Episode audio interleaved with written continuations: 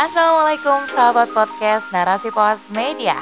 Di sini Dewi Nasjak kembali menemani ruang dengar kalian semua. Kali ini saya akan membacakan sebuah naskah yang berjudul Wow, Bali jadi destinasi yang bikin happy oleh Nur Rahmawati SH.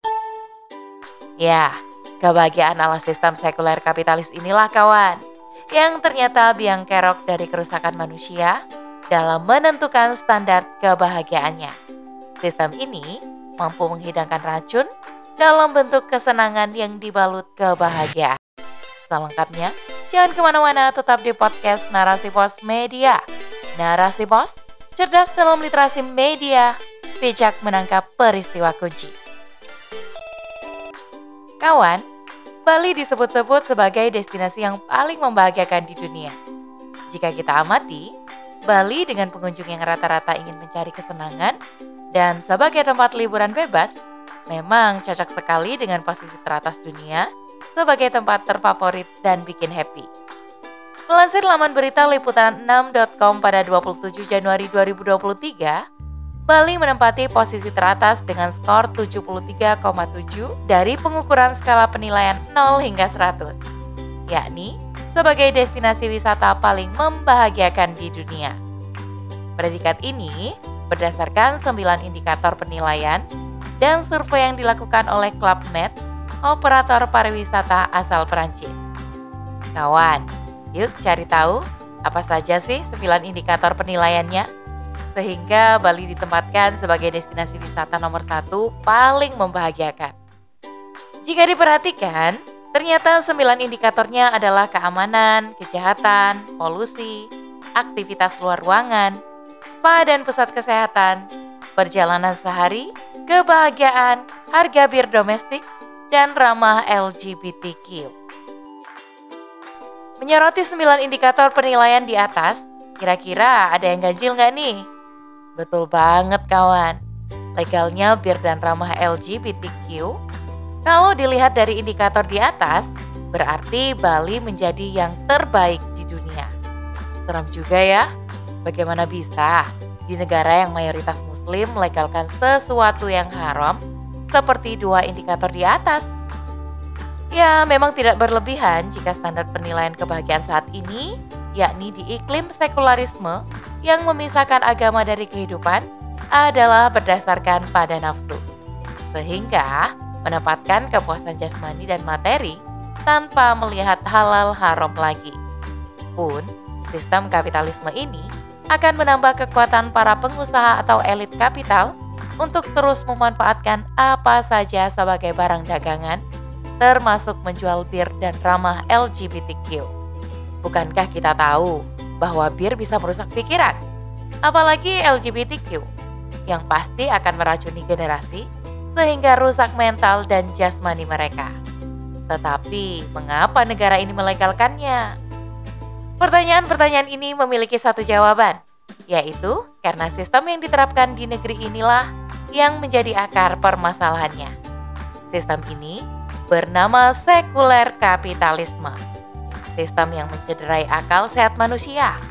Sistem yang mampu meracik kombinasi nafsu, pikiran, dan materi menjadi hidangan manis sehingga menghipnotis siapa saja yang lemah imannya. Ya, kebahagiaan ala sistem sekuler kapitalis inilah kawan yang ternyata biang kerok dari kerusakan manusia dalam menentukan standar kebahagiaannya. Sistem ini mampu menghidangkan racun dalam bentuk kesenangan yang dibalut kebahagiaan. Bahkan mengaborsi standar kebahagiaan manusia hanya berdasarkan pada kenikmatan jasmani dan kepuasan materi. Ini nggak benar ya kawan. Lantas, apa yang harus kita lakukan untuk melawan ini semua? Tentunya berpegang teguh pada agama Islam yang sempurna. Islam adalah agama sekaligus pandangan hidup loh. Semestinya kita bangga telah memilih Islam sebagai agama yang sempurna. Sebab Islam memiliki aturan dalam menyelesaikan segala permasalahan umat, termasuk destinasi pariwisata yang standarnya adalah halal dan haram. Islam sangat menjaga akidah umatnya, termasuk dalam bidang pariwisata. Adapun cara Islam dalam menjaga akidah umat di antaranya, pertama, diharamkannya aktivitas di tempat wisata yang bertentangan dengan syariat Islam, seperti menjual bir, apalagi meminumnya. Kemudian aktivitas penyimpangan seperti kaum LGBTQ yang telah nyata merusak mental dan jasmani. Bahkan, menjadi suatu kutukan keras bagi manusia, sebagaimana kaum Lut. Dan ingatlah kisah Lut ketika dia berkata kepada kaumnya, Mengapa kamu mengerjakan perbuatan keji, padahal kamu melihat kekejian dan perbuatan maksiat itu? Mengapa kamu mendatangi laki-laki untuk memenuhi syahwatmu, bukan mendatangi perempuan? Sungguh kamu adalah kaum yang tidak mengetahui akibat perbuatanmu. Quran Surah An-Naml ayat 54 dan 55. Kedua, Islam melarang mendatangi destinasi wisata yang dijadikan tempat ibadah dan perayaan hari besar agama lain. Misalnya, Candi Borobudur yang merupakan salah satu tempat ibadah orang-orang Buddha. Allah Subhanahu wa taala berfirman dalam surah Al-Furqan ayat 72. Dan orang-orang yang tidak menghadiri azur dan apabila mereka bertemu dengan orang-orang yang mengerjakan perbuatan-perbuatan yang tidak berfaedah, mereka lalui saja dengan menjaga kehormatan dirinya. Quran Surah Al-Furqan ayat 72 Ketiga, dalam Islam, standar destinasi pariwisata tidak hanya sebagai tempat hiburan semata, tetapi juga sebagai ajang bertafakur guna menambah keimanan kepada Allah SWT. Dengan begini, akidah umat aman terkendali. Begitu pula, kecerdasan spiritualnya pun akan meningkat pesat. Nah, bagaimana kawan? Islam luar biasa bukan? Maka, jangan lagi kita terlena dengan kesenangan semu yang ditawarkan oleh sistem rusak sekularisme lewat destinasi wisata yang nyata merusak umat, terutama remaja. Mari kita ambil sistem Islam sebagai solusi dalam mengatur kehidupan bermasyarakat dan bernegara. Agar kenapa?